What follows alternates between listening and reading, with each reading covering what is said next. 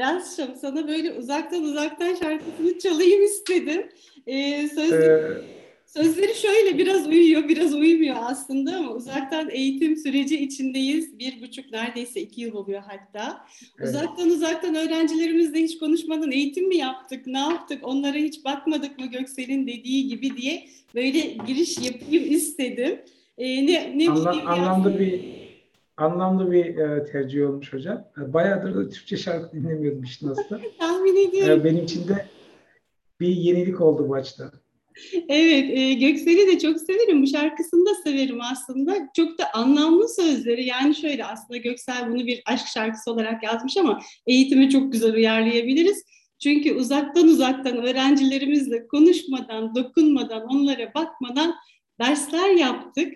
E, bunu konuşalım. Sen e, bu alanda çok ileri gittin diyeceğim. Şöyle çok e, üretken birisin, çok yayınlar yapıyorsun ve seni takip ederken ben zorlanıyorum. Aras bugün de bunu yayınladı, bugün de bu programa katıldı.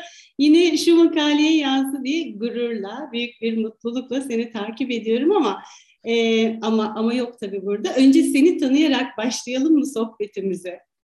Aras. Tabii ki. Öncelikle e, teşekkür ediyorum hocam. E, rol model aldığımız hocalarımız iyiydi. Belki eğer iyi bir şey yapıyorsam bunu ona bağlayabiliriz. Kendinizden de pay biçebilirsiniz.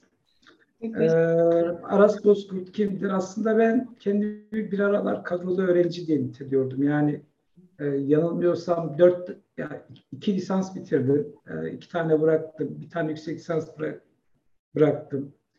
E, uzaktan eğitimde yüksek lisans ve doktoramı tamamladım derken 30'lu yaşların sonuna kadar hep öğrenciydim. Yani bir anlamda öğrenmenin, öğrenci olmanın e, dayanılmaz haklılığını tatmış o lezzeti almış birisiyim. Tabii geleneksel olarak kimsin sorusuna cevap verecek olursak Anadolu Üniversitesi Açık Öğretim Fakültesi Uzaktan Eğitim Ana Bilim Dalı'nda doçent doktor olarak görev yapıyorum. Ee, bunun dışında Asian Journal of Distance e, Education dergisinin editörüyüm. Ee, Higher Education Research and Development ve e-learn magazin dergilerinde yardımcı editörüyüm. Ee, bu şekilde bir şeyler yapıyoruz. Umarım da güzel ben, işler yapıyoruzdur. Çok güzel işler yapıyorsun. Çok yönlü de birisin. Seninle tanışıklığımız öğretmen-öğrenci ilişkisinden kaynaklanıyor söylediğin gibi. Evet. Bizim mezunumuzsun İngilizce öğretmenliği. Kaç yılındaydı Aras?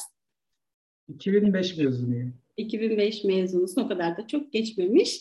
Ee, ama sonra alan değiştirdin. Gerçi çok da fazla değiştirmedin. Ee, yine ilgili bir alandasın, eğitim alanındasın. İyi ki de değiştirmişsin şu açıdan iyi ki de değiştirmişsin diyorum. Gerçi İngilizce öğretmenliğinde de kalsan eminim güzel işler yapacaktın ama gerçekten çok güzel işler yapıyorsun. Çok dinamiksin, çok üretkensin. Ee, bizim de seninle ortak birkaç tane e, çalışmamız var. Proje yapmıştık Twitter'ın eğitimde kullanımı ile ilgili ki daha o zamanlar Twitter eğitimde çok kullanılmıyordu. Ee, evet. güzel çalışmalarımız seninle de ortak var. Büyük bir mutlulukla e, ben de seni takip ediyorum. Peki Aras'cığım şimdi e, özellikle pandemi sebebiyle tabii çok da aşina olmadığımız bir alanda savaş vermeye çalışıyoruz diyeceğim ben. Eğitim e, dünyası, camiası olarak öğretmenler olarak, sistemler olarak ve pek çok sorun yaşadık burada. E, şimdi sen dünyayı da çok yakından takip ediyorsun. Ne oldu, ne bitti? Hani geleceği konuşalım ama ne oldu, ne bitti? Türkiye'de ne oldu, dünyada ne oldu? Nerelerde biz e, sorunlar yaşadık? Bunu böyle minnacık özetlemek ister misin?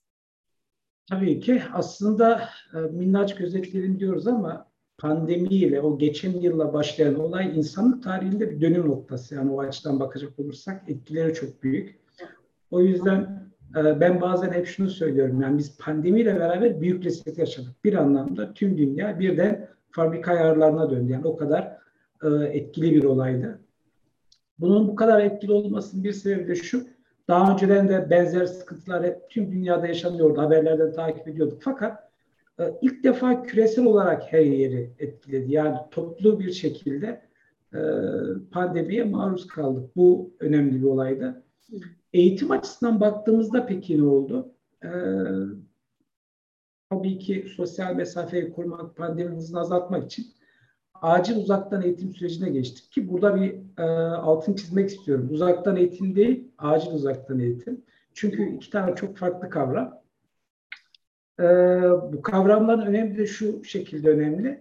Kavramları doğru kullanmadığınızda uygulamalarımız da yanlış oluyor. Dolayısıyla e, kullandığımız kavram, benimsediğimiz kavram bizim bu süreci yönetme ve yorumlama biçimimizde belirliyor. O yüzden kısacık bir farklarından bahsetmek istiyorum. İngilizceler aslında tamamıyla farklı. İngilizcelerinde sıkıntı yok. Bir tanesi Emergency Remote e, Education, bir tanesi Distance Education ama o distance ve remote kelimelerini çevirdiğimizde uzaktan ol şeklinde çeviriyoruz ya Türkçe. Orada e, bir kafa karışıklığı maalesef oluyor. Farklar şu, acil uzaktan eğitim e, zorunluluktan dolayı ortaya çıkar. Geleneksel uzaktan eğitim bir tercih meselesi. Yine acil uzaktan eğitim evdeki olanaklarla günü kurtarmaya e, yönelik e, uygulamalarken uzaktan eğitim genellikle Kur'an ve uygulamadaki birikimden faydalanır ve uzun süreli planlamalar yapar. Hedefler daha uzun vadelidir. E, bir tanesi de acil uzaktan eğitimle yaptığımız eldeki olanaklarla yani el, elimizde ne varsa onunla mücadele ederiz. Bir anlamda hayatta kalma refleksi diye ifade edebiliriz. Ee, böyle bir süreçteydik. Türkiye için hangi süreçteyiz? Aslında onu da sormak lazım. Hani biraz önce farklarından bahsettim ya. Bir tanesi planlıdır. Bir tanesi böyle günlük kararlarla. Ya, soruya cevap vermek zorunda değilsiniz. Bu e, bu e, video bloğunu seyreden e, kişiler de içlerinden cevap verebilirler. Mesela şu anda yeni eğitim öğretim yılına gireceğiz. Ne kadar planlıyız ve ne kadar hazırlıklıyız? Aslında hala bir belirsizlik var. Yani Türkiye'de yaşadığımız sıkıntı şu. Bir türlü plan alamıyoruz. Hep günlük yaşıyoruz. Hep anı kurtarmaya yaşıyoruz. Ee, anlık kararlar aldığımızda da maalesef etkili çözümler ortaya çıkmıyor. Başka ne olmuyor?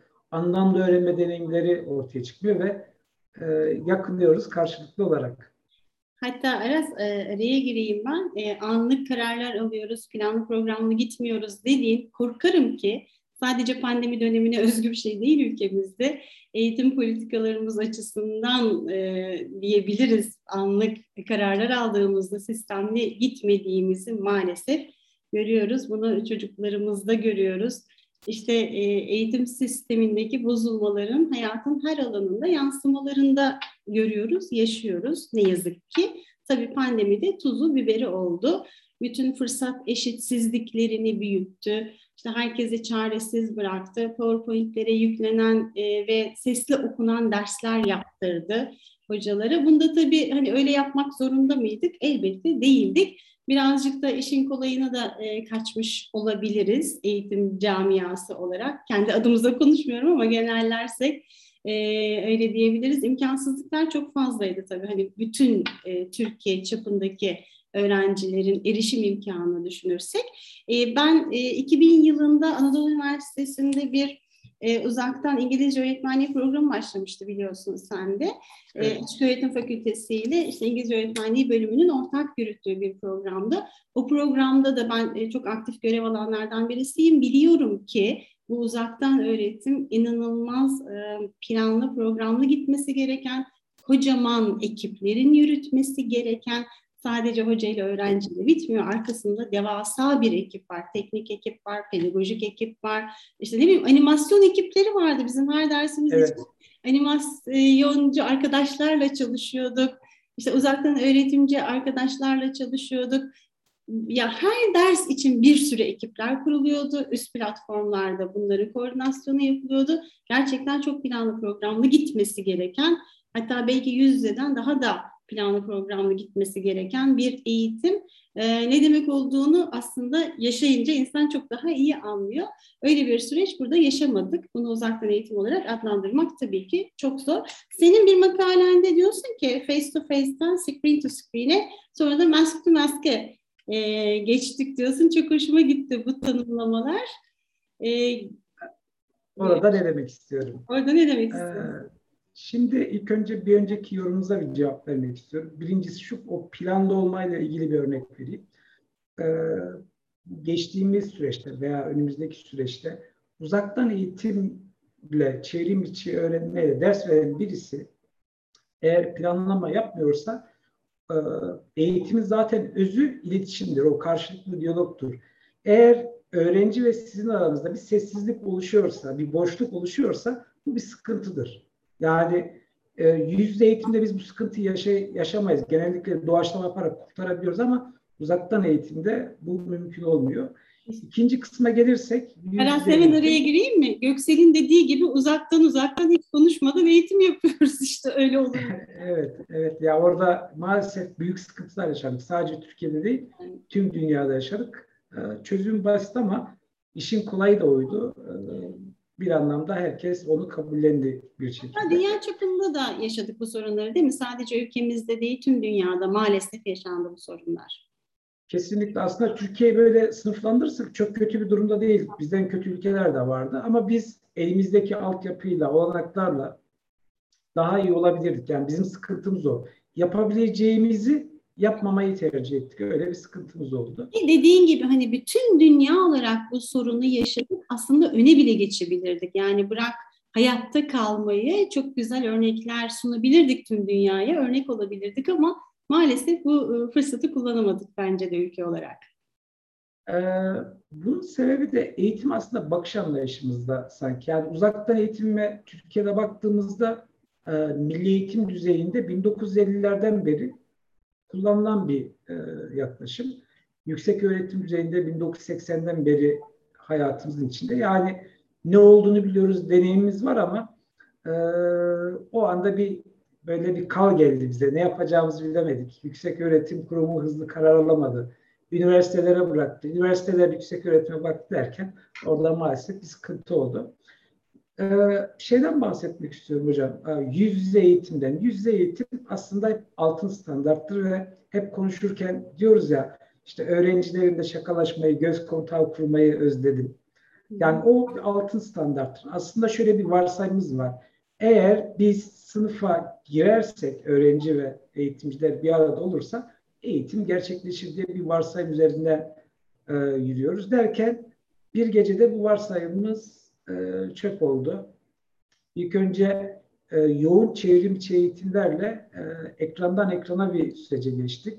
Devamında şimdi normalleşme adımlarıyla beraber e, muhtemelen okullar açacak ama bu sefer de hani yüz yüze e, ekrandan ekrana e, maskeden maskeye doğru bir eğitime geçiyoruz.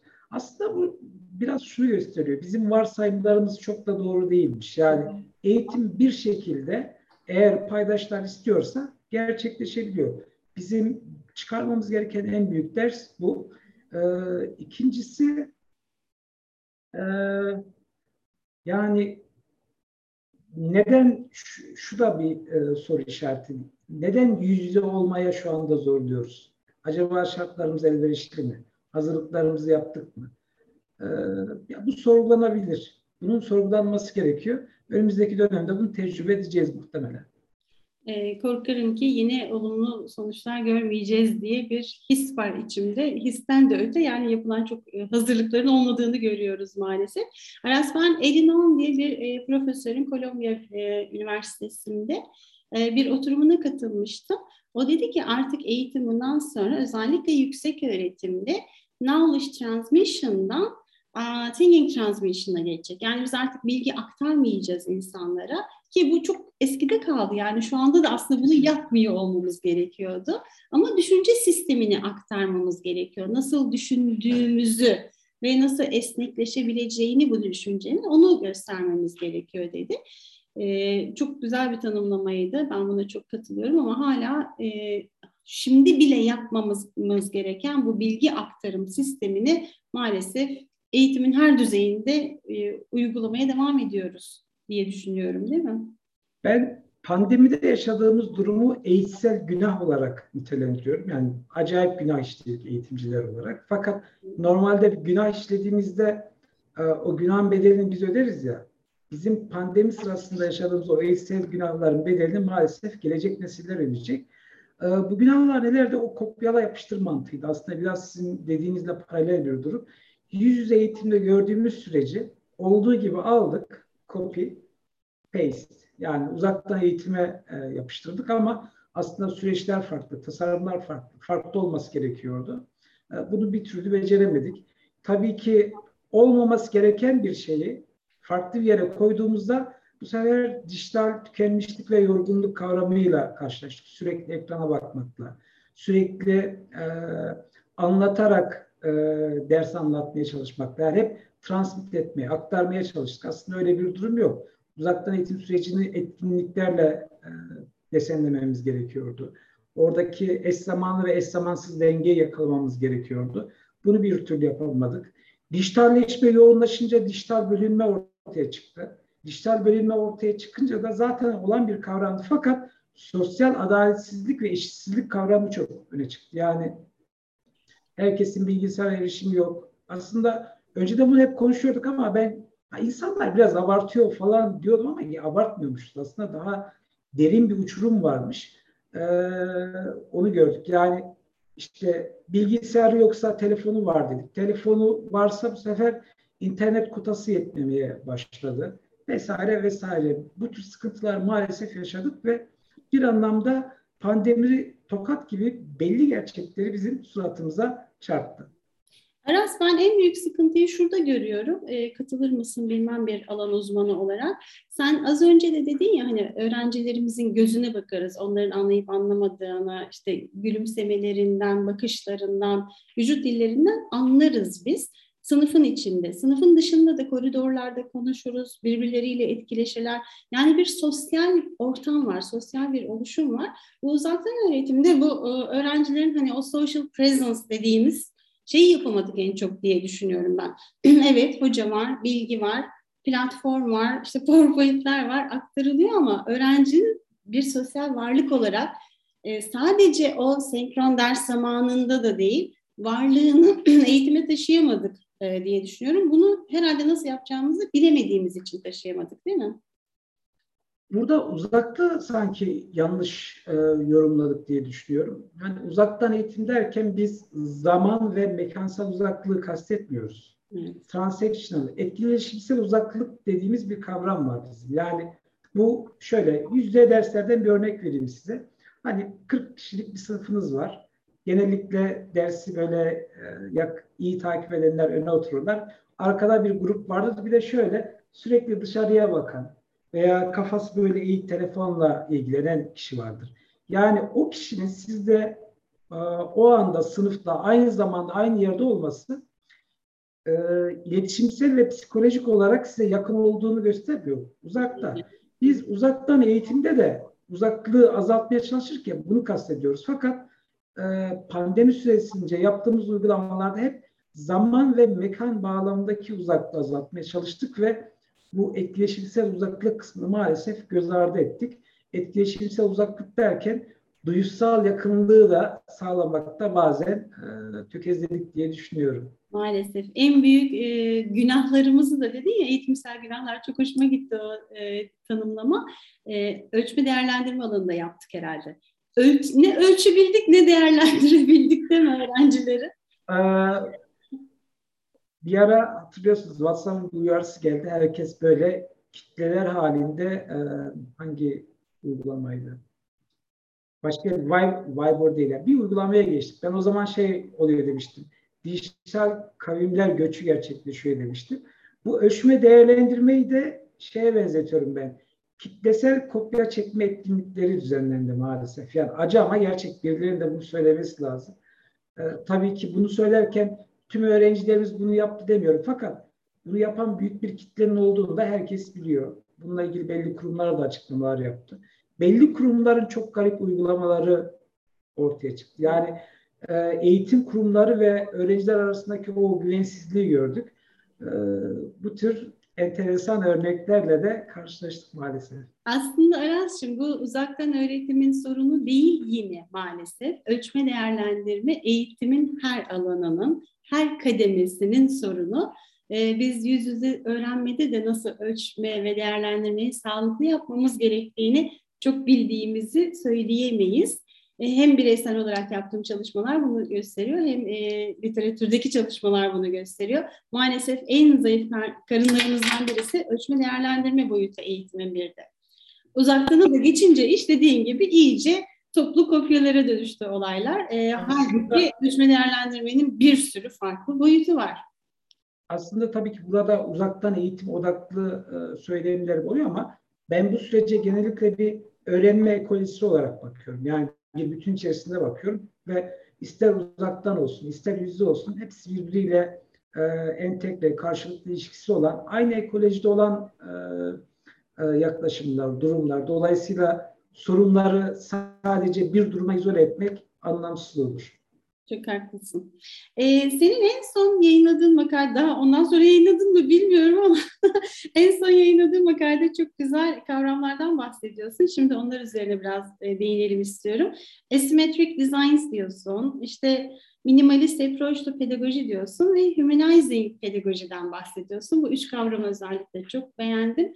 Bunlarla neler demek istediğinizi ortak bir çalışmaydı e, yanılmıyorsam. Biraz açıklamak ister misin? Tabii ki. E, Sharma ile yaptığımız Extended Editorial'da aslında o. Asimetrik desenler, e, öğretim tasarımları daha doğrusu. Oradan kastımız şu, e, eğitim süreci hep öğrenme çıktıları üzerine kurgulu. Fakat aslında yaşam boyu öğrenme diyoruz. Yaşam derinliğince ve yaşam genişliğince öğrenme kavramları ortaya çıktı. Öğrenme biraz şeydir böyle öğrenme ihtiyaçlarıyla kendiliğinden gerçekleşerek e, öğrenmenin bize bir tatmin, mutluluk vermesi gereken bir süreç. Oradan kastettiğimiz bu. Yani asimetrik desenlerle sadece öğrenme çıktılarını değil de bu biraz da eleştirel pedagojiyle ilgili e, öğrenenin ihtiyaçlarını, e, gerçek ihtiyacı ortaya koyan bir e, tasarımın yapılmasına yönelikti. Bir diğeri e, minimalist pedagojiydi galiba. Orada da kastettiğim şu. Bu arada hiç Vegas'a gittiniz mi hocam? Maalesef. Oraya henüz gitmedim. Ben İlk iki yıl önce ve iki yıl önce Vegas'a gittim. Konuyu nereden bağlayacağım? Ee, bir defa gittim zaten. Pandemiden hemen önceydi. Ee, bir etkinliğe çağrılı konuşmacı olarak e, davet edilmişti. Oradan da Vegas'a geçme fırsatım oldu. Vegas enteresan bir yer. Filmlerde de hep görüyoruz ama her taraf böyle ışıklı e, dikkatinizi dağıtıyor ve bir süre sonra bunun şu yüzden olduğunu anladım. Yani orada tabii ki bir sektör var, e, bir eğlence sektörü var ve insanların dikkatini dağıtmak için sürekli ışıklar, yanıp sönen lambalar, yani bir akış var. O akışın içine girdiğinizde e, gerçeklikten uzaklaşıp işte bir e, e, orada yapmanız gereken şeyleri yapıyorsunuz. Bir anlamda yönlendiriyorsunuz. Minimalist pedagojiden kastım da bu. Yani eğitim, uzaktan eğitim de değil. Eğitim sürecindeki tasarımlara baktığımızda bu Vegas style'a benziyor. O kadar gereksiz şeyler var ki aslında öğrenci, öğrenen yapması gerekenin dışına sürekli sapıyor. Dikkati sürekli dağılıyor. Minimalist pedagojiden kastım da aslında bu. Yani öğrenmenin sadece öğrenme için olması. Ki burada e, yani basit bir örnekle açıklayacak olursak milli eğitimdeki bir örnekten bahsetmek istiyorum. Bir ara tüm derdimiz bilgisayar, tablet ve internetle donat, donatmaktı. Başarıya ulaşmadı zaten. Yani orada biraz daha e, minimalist gitmek gerekiyor. Çünkü öğrenme o kadar bizim tarafımızda komplike bir süreç ama e, öğretmek, eğitim aslında çok zor süreçler değil.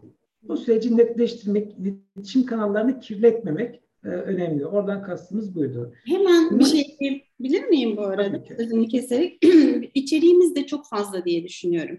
Yani öğrenme hedeflerimiz e, de çok fazla. Öğrenciye yüklediğimiz o content, o içerik de inanılmaz fazla. Yine bunu sadece yüksek öğretim için konuşmuyorum. Hatta belki daha alt kademelerde daha da fazla diye düşünüyorum. İşte bir bakıyorsun ki atıyorum matematik dersinin içeriğini Allah'ım neler neler neler neler öğreniyor görünüyor bu çocuklar. E, zannedersin ki Türkiye'den bir sürü astronot çıkıyor. Ama sonra hem uluslararası sınavlarda hem de kendi yaptığımız sınavlarda bakıyoruz ki genel ortalama işte bu en temel derslerde bile hatta kendi ana dilimizde bile o kadar düşük ki e, biz ne vermeye çalışıyoruz ama bunun ne kadarı alınıyor? Resim çok net bir şekilde önümüzde duruyor aslında. Biz o resmi okumayı e, beceremiyoruz herhalde. Sizin dediğiniz durumla ilgili yani varsayımlar üzerinden hareket ediyoruz. Hani belli varsayımlarımız yıkıldı dedik ya. Oradaki de varsayımlarımız şu. Kitabın içeriğine içeriği koyduğumuzda, öğrenciyi sınıfa koyduğumuzda, öğretmeni de başlarına geçirdiğimizde öğrenmenin gerçekleşeceğini varsaymak e, bir kurgu, bir hayal. Yani bir gereksinim olması lazım. İngilizce eğitimden hatırladığım kadarıyla şöyle bir şey vardı. İngilizce öğrenmek için external değil yani dışsal değil, içsel bir motivasyon gerekli. Öğrenme süreci de öyle. Biz bunları yaptığımızda sadece dışsal gereksinimleri karşılıyoruz. İçsel gereksinimler, motivasyon karşılanmadığı için e, daha sonra PISA sınavlar gibi sınavlarda da her yıl aynı şeyleri konuşuyoruz maalesef. Maalesef. Peki e, humanizing pedagoji? Ee, onu da şu şekilde e, yorumlayayım ben size. Yani daha basit. Ee, aslında orada pedagogy of care kavramı var. Türkçe'ye nasıl çevirdim diye çok düşündüm. En son yani tek kelimeyle çeviremedim. İlgi, anlayış ve empati pedagojisi diye çevirdim. Ee, şu anda gerçekten hani evet aşılanma hızlandı. Ee, geçen yıla göre iyi bir durumdayız. Fakat şu süreci bir düşünelim. Ben yakın çevremde gerçekten psikolojik olarak travma geçiren, e, o kaygıyı yaşayan çok insan gördüm. Hem eğitimci hem öğrenci. Şimdi bu nesili alıyoruz. 2021 yılındayız. 2031 yılına gidelim. Bunlar 10 yıl sonrasını anlatsınlar. Anlattıklarında asla mesela e, benden ders alan bir öğrenci şunu demeyecek. Pandeminin çok zor zamanlarıydı. İşte tüm dünya e, pandemiden kırılıyordu. Aras Hoca bize uzaktan eğitim kuramlarını çok güzel anlattı demeyecek. Fakat benim onunla kurduğum iletişimi, yakınlığı, onu nasıl desteklediğimi anlatacak. Yani hatırlayacağı şey bu olacak. Ee, bizim buradan e, insan merkezli pedagoji dediğimiz, bu arada tüm dünyada gittikçe artan bir eğilim var. Olay bu. İnsanı merkeze koymak. İlk önce insani ihtiyaçları karşılamak. Zaten belli ihtiyaçlarımız karşılandığında öğrenme de arkasından geliyor. Fakat biz bu ihtiyaçları göz ardı edip yine doğrudan öğrenme çıktılarını yakalamaya yönelik bir şeyler yaptığımızda arka planda tamamlanmamış eksikler olduğu için belli doyuma duysal olarak ulaşmadığı için öğrenci maalesef fark etmediğimiz bariyerlerle öğrenmede tam olarak gerçekleşmiyor. Arat'cığım bu zaten sadece uzaktan eğitimde değil, eğitimin her türünde de böyle değil mi? İşte geriye dönüp bakalım hatırladığımız hocalarımız bize en çok bilgi veren hocalarımız değillerdir. Bizi işte bir şekilde dokunan, hayatımıza dokunan, bir vizyon açan, bir ufuk açan ya da ne bileyim o gün canımız sıkkınsa gelip neyim var diye soran hocalarımızdır. Onlardan etkileniriz. Onların yolunda gitmeye çalışırız değil mi? Kesinlikle. Bunu hep ben de söylüyorum. Bazen e, böyle konuşmalarda falan hep şu soruyu sorarım. Aklınıza gelen ilk öğretmen kim? Neden? Genellikle bu dediğiniz gibi yani tüm öğretmenlerimiz iyi ama aklımıza ilk gelenler genellikle kalbimize dokunanlardır. Daha sonra zihnimize, beynimize dokunanları hatırlarız. Bu çok önemli. Ee, bize yoğun şekilde ders veren değil de işte o zor anımızda Aras sen yaparsın diyen veya öğrencinin başını okşayan, tatlı sesiyle sadece e, ortamı değil ruhumuzu bile sakinleştiren hocaları hatırlarız. İnsan olduğumuz için e, bunu hatırlıyoruz. Veya aslında hep söylüyoruz. Öğrenme sosyal bir süreç diyoruz fakat maalesef o e, öğrenme sürecindeki sosyal unsurlar da hep bir kenara atıp dediğim gibi daha yapay, işte öğrenme amaçları, ölçme değerlendirme, sınav yapalım, tüm içeriği yükleyelim. Derdimiz bu olduğu için e, bu kısımları e, göz ardı edebiliyoruz sıklıkla. İşin esas önemli kısmını aslında göz ardı ediyoruz. Yani bu dediğin gibi hani kalbimize dokunmayı, ruhumuza dokunma işini yaparsak diğeri zaten gelir. Ben hep e, onu diyorum çocukları kendinizi sevdirin öğretmen adaylarına. Sizi severlerse zaten ne isterseniz yapar. Hatta açın camı atlayın deyin atlarlar diyorum o derece. Sizi severse İngilizceyi ömür boyu sever diyorum. Özellikle de ilk İngilizce ile karşılaştığı andaki öğretmeni bence insanların hayatında çok önemlidir. İngilizce açısından bunu bütün branşlara bütün öğretmenlere tabii ki uyarlayabiliriz. Bunu uzaktan yapmak biraz daha zor değil mi? Çok değil aslında. Değil aslında. Gerçekten değil. Gerçekten. Değil. Yani hemen geri e, aldım. yani bir, bir laf var. E, anlarsa yakın e, tam hatırlayamadım onu söylemeyeyim ama yani uzaklık orada Değil. Çok şey değil. Bu neye benziyor? Eğer siz kalben birisiyle yakınsanız hani 5 yıl görüşmeseniz bile 5 yıl sonra kaldığınız yerden devam edersiniz. O yakınlık öyle bir şey. Eğitimde de e, durum bu. Yani uzaklık kesinti sebebi değil aslında. Eğer güçlü bir iletişim kanalı kurduysanız. Bu durumu ben e, bir makalede şu şekilde betimledim. Sizin bahsettiğiniz durumu.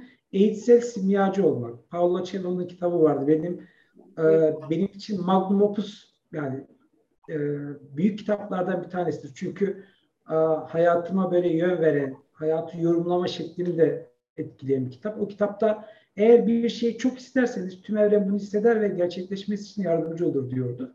Ve o makalede ben eğitimcilere şu öneride bulmuştum. Simyacı olun. Yani eşsel simyacı olun. Ee, öğrencilerinizi dönüştürün.